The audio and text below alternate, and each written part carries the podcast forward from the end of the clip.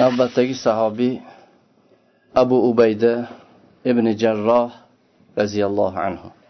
Abu ubayda u kishini kunyalari otlari omir ibn abdulloh ibn jarroh rasululloh sollallohu alayhi vasallamni u kishini haqlarida aytgan so'zlari bor. U kishini eng ulug' sharaflaridan bittasi har bir ummatni bir omonatdori bo'ladi. Bu ummatning omonatdori abu ubaydadir dedilar. Abu ubayda roziyallohu anhu yuzlari nurlik ko'rinishlari chiroyli ko'rkam jasadlari ozg'in bo'ylari novcha yelkalari keng. Ko'rgan odamni ko'zi quvonadigan u kishi bilan uchrashga kishini qalbi intiladigan va qalblar u kishidan xotirjam bo'ladigan shunday shaklda suratda edilar. Bu bilan birga keyin u kishi nihoyatda yaxshi odam edilar. Tavozulari ya'ni juda hokisor odamlarga uchraganda kibrsiz hokisor tavozuli kishi edi. Hayolari qattiq edi. Lekin ish jiddiylashganda ish shiddat olgan vaqtda u kishi xuddi yirtqich sherga o'xshash shunday axloqlik bo'lardilar. Ya'ni shunday shiddatli bo'lardilar u kishi. U kishi xuddi qilichni damiga o'xshardi. Nihoyatda savlatda ko'rkamlikda qilichga o'xshardi. Qilich haybatlik lekin yaltiroq shunday chiroyli bo'ladi qilich va o'tkirlikda shu o'tkirlikda tezlikda ham qilichga o'xshardi u kishi. Shunday shiddatlik va keskir kishi edilar. Bu kishi muhammad sallallohu alayhi vasallamning ummatlarini bu ummatning omonatdori omir ibn abdulloh ibn jarroh fehli qolashi abu ubayda deb kunyalari abu ubayda edi. Abdulloh ibn umar roziyallohu anhu bu e, abu ubayda ibn jarroh roziyallohu anhuni sifatlab aytadilarki qurashlardan uch kishi bor edi. Odamlarni eng yuzi haybatli ko'rkami axloqi chiroylisi va hayosi sobit haqiqatdan sodiq hayolik kishilardan edi bu uchalalari agar gapirsalar hech qachon yolg'on gapirmaydi. Va siz gapirsangiz hech inkor qilmaydigan shunday kishilar edilar. Ular abu bakr siddiq usmon ibn affon va ubayda, ubayda ibn jarroh abu ubayda ibn jarroh roziyallohu anhulardir deb aytdilar. Ya'ni abdulloh umar ibn xattob roziyallohu anhuni o'g'illari abdulloh ibn umar ularni shunday sifatladi shunday ko'rkam shunday haybatli viqorlik gapirsalar to'g'ri gapiradigan bir mo'min gapirsa ishonadigan shunday hayolari sobit kishilar edilar. Abu ubayda islom yuqorida e, aytdikki islomga avvalda kirgan kishilardan. U kishi abu bakrni islomga kirganlaridan keyingi kunda bu kishi abu bakr siddiq roziyallohu anhuni qo'llarida u kishini da'vatlari bilan islomni qabul qildilar. Abdurahmon ibn avf usmon ibn mazun arqam ibn abi arqam ki bu kishini uylari keyin e, butun rasululloh sollallohu alayhi vasallam sahobalar bilan yig'iladigan joy bo'lgan bu kishi bu abu bayda ibn jarroh hammalari abu bakr roziyallohu anhudan keyingi kunlarda u kishilar borib islomni qabul qildilar. Abu bakr roziyallohu anhu bularni payg'ambar sallallohu alayhi vasallamni oldilariga olib bordilar. Rasululloh sollallohu alayhi vasallam oldilarida haq kalimasini ashhadu an la ilaha illalloh va ashhadu anna muhammadan abduhu va rasuluh deb haq so'zini e'lon qilib islomni qabul qildilar. Va bular butun islomni buyuk qo'rg'oni uni ustiga qurilgan asos poydevorlar bo'ldilar. Abu ubayda roziyallohu anhu makkada bu islomni avvalidan to oxirigacha. Ya'ni o'n uch yil o'n uch yildan ortiqroq vaqt davomida butun musulmonlarni oldilarida u kishi musulmonlarni oldilaridagi bir sinovda yashadilar. U kishi musulmonlar bilan avvalgi musulmonlar bilan bu yerdagi shafqatsizlik yovuzliklar zulm va buni alamlari g'amlari hammasini birga boshdan kechirardilar. Yer yuzidagi boshqa din ahli boshidan kechirmagan mashaqqatlarni boshdan kechirardilar. Bu sinovlarda u kishi sobit o'zgarmay turardilar. Ollohga sodiq rasuliga sodiq har bir o'rinda sadoqatlik qolgan edilar. Lekin abu ubayda roziyallohu anhuning badr jangidagi u kishini jasorati u kishini ustidan o'tgan bir og'ir bir imtihon bor. U endi har qanday mana shunaqa bo'lsa kerak degan bir eng og'ir imtihon shunday bo'lsa kerak deb o'ylagan xayoldan ham yuqori undan ham bir shafqatsiz bir imtihon. Har qanday xayol qilguvchini xayoliga sig'maydigan bir og'ir imtihon edi. Badr kunida u kishi abu ubayda ibn jarroh roziyallohu anhu saflar o'rtasida shu hujumga o'tib haybat bilan ketardilar. Hech halokatdan o'limdan qo'rqmay qo'rqmaydigan kishini shu hujumi bilan hujum qilib borardilar. Mushriklar bu kishini ko'rganda mushriklarni pahlavonlari ya'ni. Bu kishini ko'rganda bu sekin qochib chetlab boshqa jangni boshqa taraflarga qochardi. Shunday haybatlik shunday salobatlik shunday shiddatlik bir jangchi lekin bir odam doim bu kishiga qarshi chiqar edi. Abu ubaydaga har bir shu yo'nalishlarda u kishiga to'siq bo'ladigan bir odam bor edi. Bu odamni ko'rishlik bilan abu ubayda roziyallohu anhu chetlab o'tardilar qochardilar u tarafga bu tarafga. Unga qarshi bormas edilar u bilan yo'liqishdan to'qnashishdan o'zlarini saqlardilar. Ammo bu odam abu ubaydaga hujum qilishda nihoyatda qattiq turib oldi bu ham. Qaytmadi. Qaysi tarafdan u kishi qochsa o'sha tarafdan borib to'sib chiqaverdi. Abu ubaydani oxiri shunday holatga olib bordiki hamma yo'lni to'sdi. Tamom abu ubaydani oldilarida to'siq bo'lib turib oldi. Abu ubayda roziyallohu anhu ham joniga tegdi zerikdi u kishi. Borib shu qilichi bilan bu odamni boshiga shunday urdi boshini shu o'rtasidan urdi boshini ikkiga bo'lib qo'ydi. Bu odam abu ubayda roziyallohu anhuni oldiga o'lib tushdi. Ho'p bu o'lib tushgan odam kim? Nima deb xayol qilasiz? Ha endi bunga shoshilmang.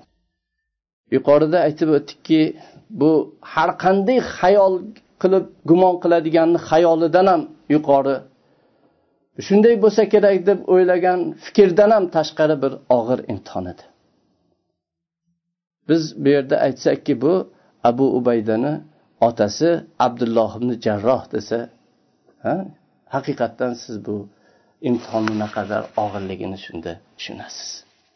Bu kishi bu odam abu ubayda ibn jarrohni otalari edi. Abdulloh ibn jarroh edi. Abu ubayda shunday oxirida boshiga bir urib boshini ikkiga yordilar. abu ubayda faqat otalarini qatl qilmadilar balki otalarining shaxsida butun shirkni qatl qildilar alloh subhanava taolo abu ubayda va u kishining otasi haqida va bu abu ubaydaga o'xshaganlar haqida bu kalimasi oliy bo'lgan robbil alamin mana shu so'zini ya'ni mujodala surasini oxirgi oyatini alloh taolo nozil qildi أعوذ بالله من الشيطان الرجيم لا تجد قوما يؤمنون بالله واليوم الآخر يوادون من حاد الله ورسوله ولو كانوا آباءهم أو أبناءهم أو إخوانهم أو عشيرتهم. أولئك كتب في قلوبهم الإيمان وأيدهم بروح منه ويدخلهم جنات تجري من تحتها الأنهار خالدين فيها رضي الله عنهم ورضوا عنه. أولئك حزب الله ألا إن حزب الله هم المفلحون siz ollohga iymon keltirgan oxiratga iymon keltirgan qavmni ollohu rasuliga qarshi bo'lgan odamlarni do'st tutganliklarini topolmaysiz ya'ni oxiratga iymoni bor ollohga iymoni bor bo'lgan qalbda ollohu rasulini dushmanini muhabbati uni do'st tutish unga do'stona munosabatda bo'lishlik sig'maydi bu qalbga Iymon bilan bu mushrik kofirni yaxshi ko'rishlik ikkalasi bir joyda jam bo'lmaydi. Agar u Alloh rasuliga qarshi bo'lgan kofir bo'lgan bu mushrik o'zini otalari bo'lsa ham farzandlari bo'lsa ham aka ukalari bo'lsa yo qarindosh urug'lari bo'lsa ham. Olloh butun muhabbati yaxshi ko'rish yomon ko'rishi ollohu ollohni rasuli uchun bo'lgan bunday kishilarni qalblariga alloh taolo iymonni yozib qo'ydi. Olloh ularni haqiqiy mo'min qildi qalblariga iymonni olloh bitib qo'ydi. Va alloh taolo o'zini marhamati bilan ularni qo'llab quvvatladi alloh taolo ularni ostidan anhorlar oqadigan jannatlarga kiritadi. Ular shu jannatlarda abadiy bo'ladilar. Alloh taolo ulardan rozi bo'ldi. Ollohdan ular rozi bo'ladilar. Mana shuncha alloh subhanava taolo katta bir mukofotlarni ularga va'da qildi. Lekin bularni hammasidan ham ulug'i olloh subhanava taolo ular meni jamoalarim dedi ular ulaika hizbulloh ular ollohni jamoalari. Ollohni jamoalari ular najot topuvchilardir. Bu ish abu ubayda roziyallohu anhudan juda ajablanarlik emas edi. U kishining olloh subhanava taologa bo'lgan iymon quvvati ollohni diniga shunday samimiyligi va muhammad sollallohu alayhi vasallamni ummatlariga omonatdorligi ollohni huzurida eng ulug' zotlar unga havas qiladigan intiladigan bir darajaga yetgan edi. Muhammad ibn jafar roziyallohu anhu rivoyat qilib aytadilarki nasorolardan bu masihiylardan nasorolardan bir jamoa rasululloh sollallohu alayhi vasallamni oldilariga kelishdi. Aytishdiki ya abal qosim rasululloh sollallohu alayhi vasallamni kunyalari va xos kunyalari ya abal qosim ya abal qosim deb ehtirom bilan bizga sahobalaringizdan bir kishini yuboring o'zingiz rozi bo'ladigan bir kishini yuboring. Shu mollarimizda biz ixtilof qilib qoluvdik. Shu ixtilof qilgan ishlarda bizni o'rtamizda hakam bo'lishliklari uchun shu ishni hal qilib berishliklari uchun o'zingiz rozi bo'ladigan bir kishini biz bilan yuboring. Chunki siz musulmonlar jamoasi bizni huzurimizda biz rozi bo'ladiganroq eng yaxshi adolatli xalq sizlar deb iltimos qilib keldi. Shunda rasululloh sollallohu alayhi vasallam ertaga kelinglar men sizlar bilan kuchlik va omonatdor kishini birga yuboraman dedilar. Ham quvvatlik ham hech omonatga xiyonat qilmaydigan shunday omonatdor kishini yuboraman dedilar. Umar ibn hattob aytadilarki men ertasiga peshin namoziga erta bordim. Borib ana shu kunda shu ishni egasi bo'lishlikka mana bunday sifatni egasi bo'lishlik uchun haris bo'lganga o'xshashman hech bir amirlikka boshqa bunday muhabbat qo'yib orzu qilmaganman deydilar peshin namoziga er-, erta bordi rasululloh sollallohu alayhi vasallam peshin namozini o'qigandan keyin o'ng taraflariga o'ng chap taraflariga atroflariga nazar sola boshladilar. Men ham o'zimni ko'tarib bo'ynimni cho'zib rasululloh sollallohu alayhi vasallam ko'rsinlar deb shu o'zimni ko'rsatib turdim dedilar. Rasululloh sollallohu alayhi vasallam ko'z yugurtirishda davom etdilar. Abu ubayda ibn jarrohni ko'rib qoluvdilar. Ey abu ubayda deb u kishini chaqirib oldilar oldilariga. Keyin aytdilarki mana bular bilan bu nasorolar bilan chiqingda. Ular ixtilof qilayotgan ishlarda e, ularni o'rtasini hukm qiling. Ya'ni o'zingiz unga hakamlik qiling deb yubordilar. Umar roziyallohu anhu aytadilarki ha abu ubayda olib ketdi buni dedim deydilar abu ubaydaga nasib qilgan abu ubayda faqat omonatdorgina emas edilar. Balki shu omonatdorlik bilan nihoyatda katta quvvatni ham o'zlarida jamlagan edilar. U kishini quvvatlari juda ko'p o'rinlarda namoyon bo'ladi. Rasululloh sollallohu alayhi vasallam sahobalardan bir jamoani quraysh karvoniga to'qnashlik uchun e, yuborgan vaqtlarida ularga abu ubayda roziyallohu anhuni e, amir qildilar. Va ularga bir xaltada xurmo tayyor boshqa narsa topolmadilarda shu bir xaltada xurmo berib abu ubayda roziyallohu anhu shu o'zlarini sheriklaridan har biriga har kuni bir donadan xurmo berardilar. Va u xurmoni olib u kishini sheriklari shu yosh bola e, shu onasini ko'kragini so'rgan emgandek shu xurmoni emib emib yurib keyin tugagandan keyin ustidan unday suv ichib qo'yardilar. Va shu kechgacha bir kunga shu yetar edi. Uhud kunida musulmonlar ozgina chekingan vaqtda mushriklardan biri shunday baqirardi. Menga muhammadni ko'rsatinglar menga muhammadni ko'rsatinglar dedi shunda rasululloh sollallohu alayhi vasallamni atroflarida bo'lganlardan bittasi rasululloh sollallohu alayhi vasallamni o'rab himoya qilganlardan bittasi abu ubayda edilar. Ko'kraklarini mushriklarning nayzalariga qalqon qilib himoya qilganlardan bittasi. Jang tugagandan keyin rasululloh sollallohu alayhi vasallamni oldidagi tishlari sindirilgan yuzlari yorilgan va boshlariga kiygan bu jang urush dubulg'asini ikkita halqasi sinib shu yuzlariga botib kirib ketgan edi. Shunda abu bakr siddiq roziyallohu anhu rasululloh sollallohu alayhi vasallamni yuzlaridan bu halqani sug'urishlik uchun kelgan edilar. Abu ubayda roziyallohu anhu aytdilarki men qasam ichaman bu ishni menga qo'yishingizga qasam ichaman dedilar. Ya'ni tez abu bakr roziyallohu anhuni ilojsiz qilib qaytardi abu bakr rasululloh sollallohu alayhi vasallamni u kishiga tark etdilar.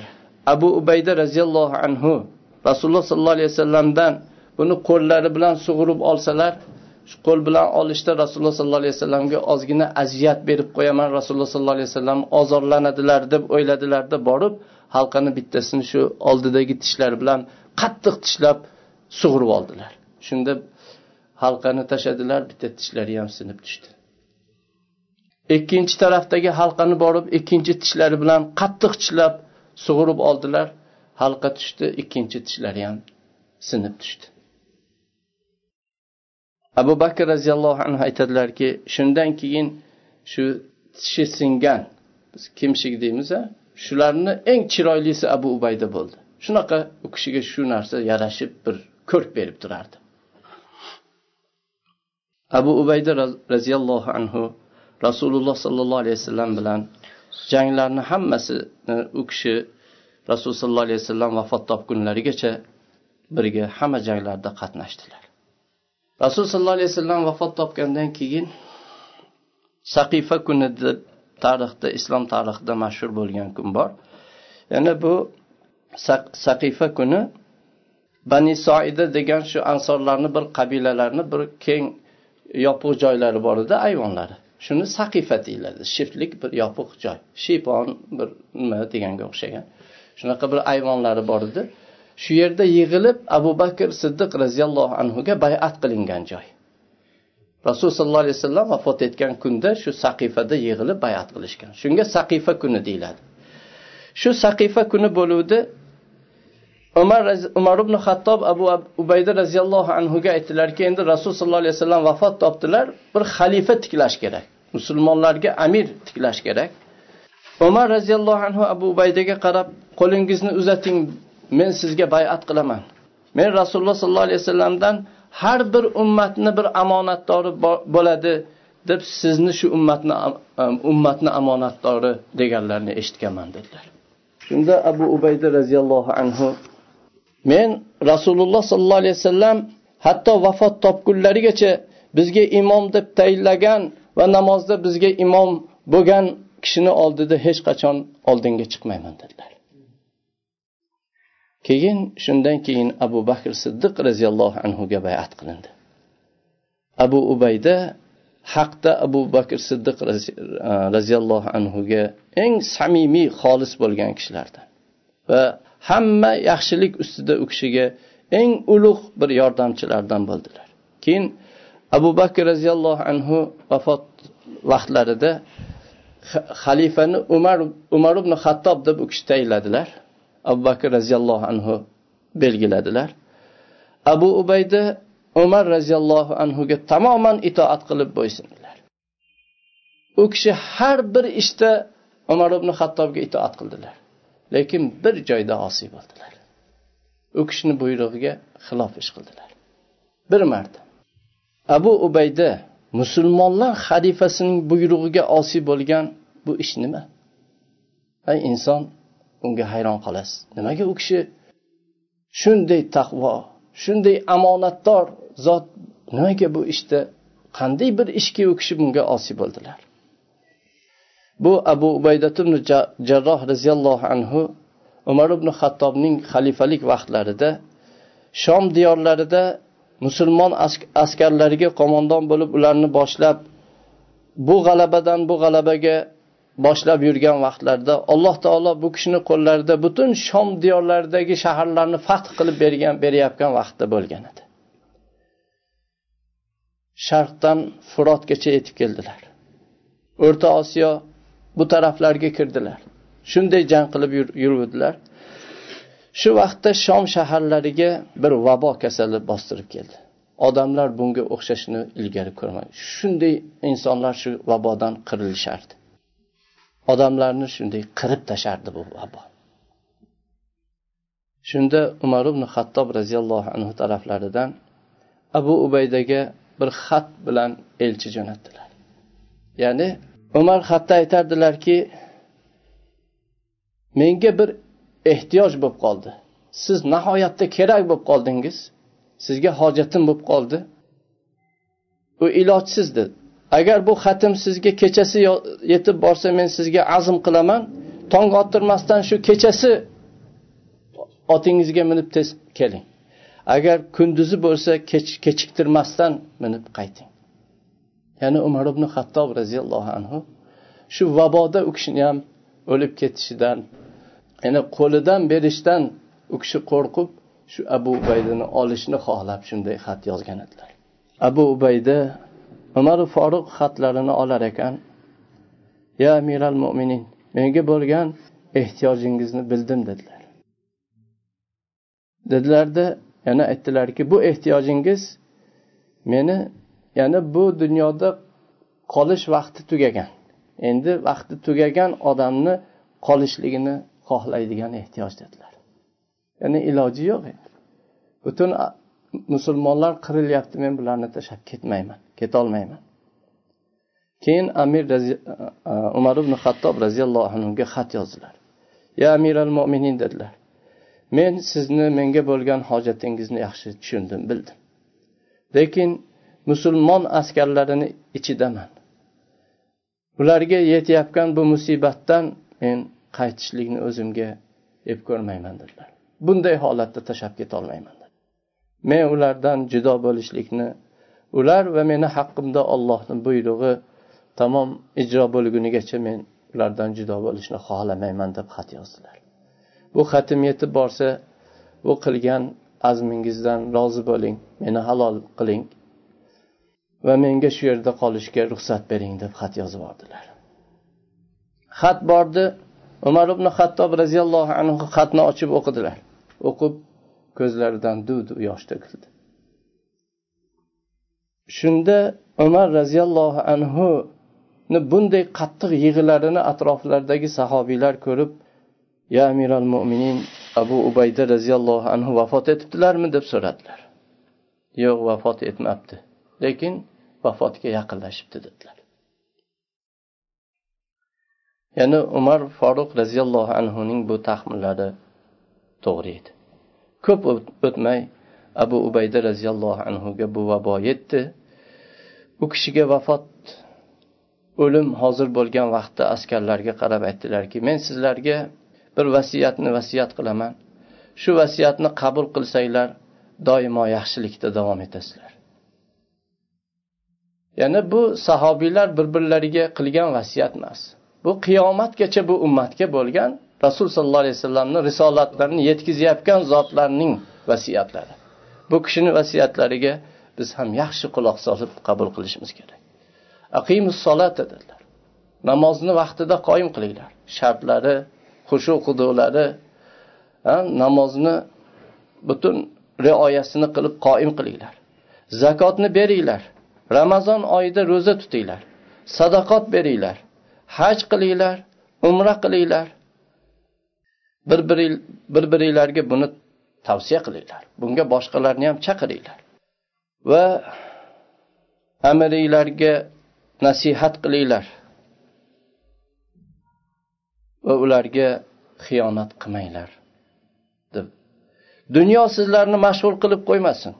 Kishi agar 1000 yil umr ko'rsa ham albatta mana shu sizlar ko'rib turgan meni ahvolimga tushadi dedilar. Ming yil yashasa ham bu dunyoda abadiy qolmaydi alloh subhanava taolo odam alayhissalomning farzandlariga o'limni yozib qo'ygan. Odam bolasi borki har birlari o'ladi.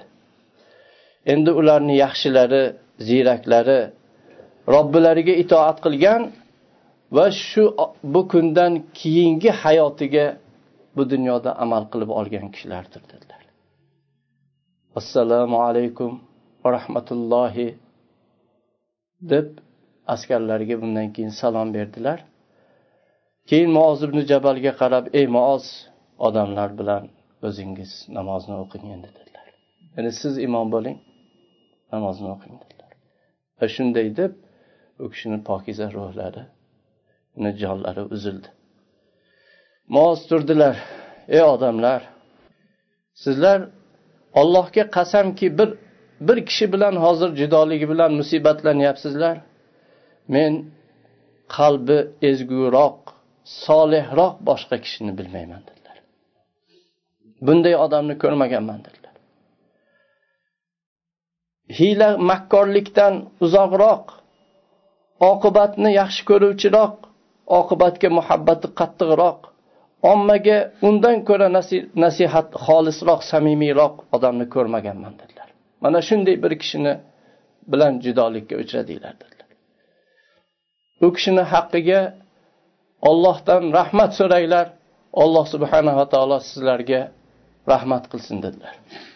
Alloh subhanava taolo hammalariga rahmat qilsin. Alloh ularni hammalaridan rozi bo'lsin. Alloh subhanava taolo ularni muhabbatlari bilan bizni ibodat qilishlikka tavfiq bersin. سبحانك اللهم بحمدك أشهد أن لا إله إلا أنت أستغفرك وأتوب إليك والصلاة والسلام على سيدنا محمد وعلى آله وأصحابه أجمعين والسلام عليكم ورحمة الله وبركاته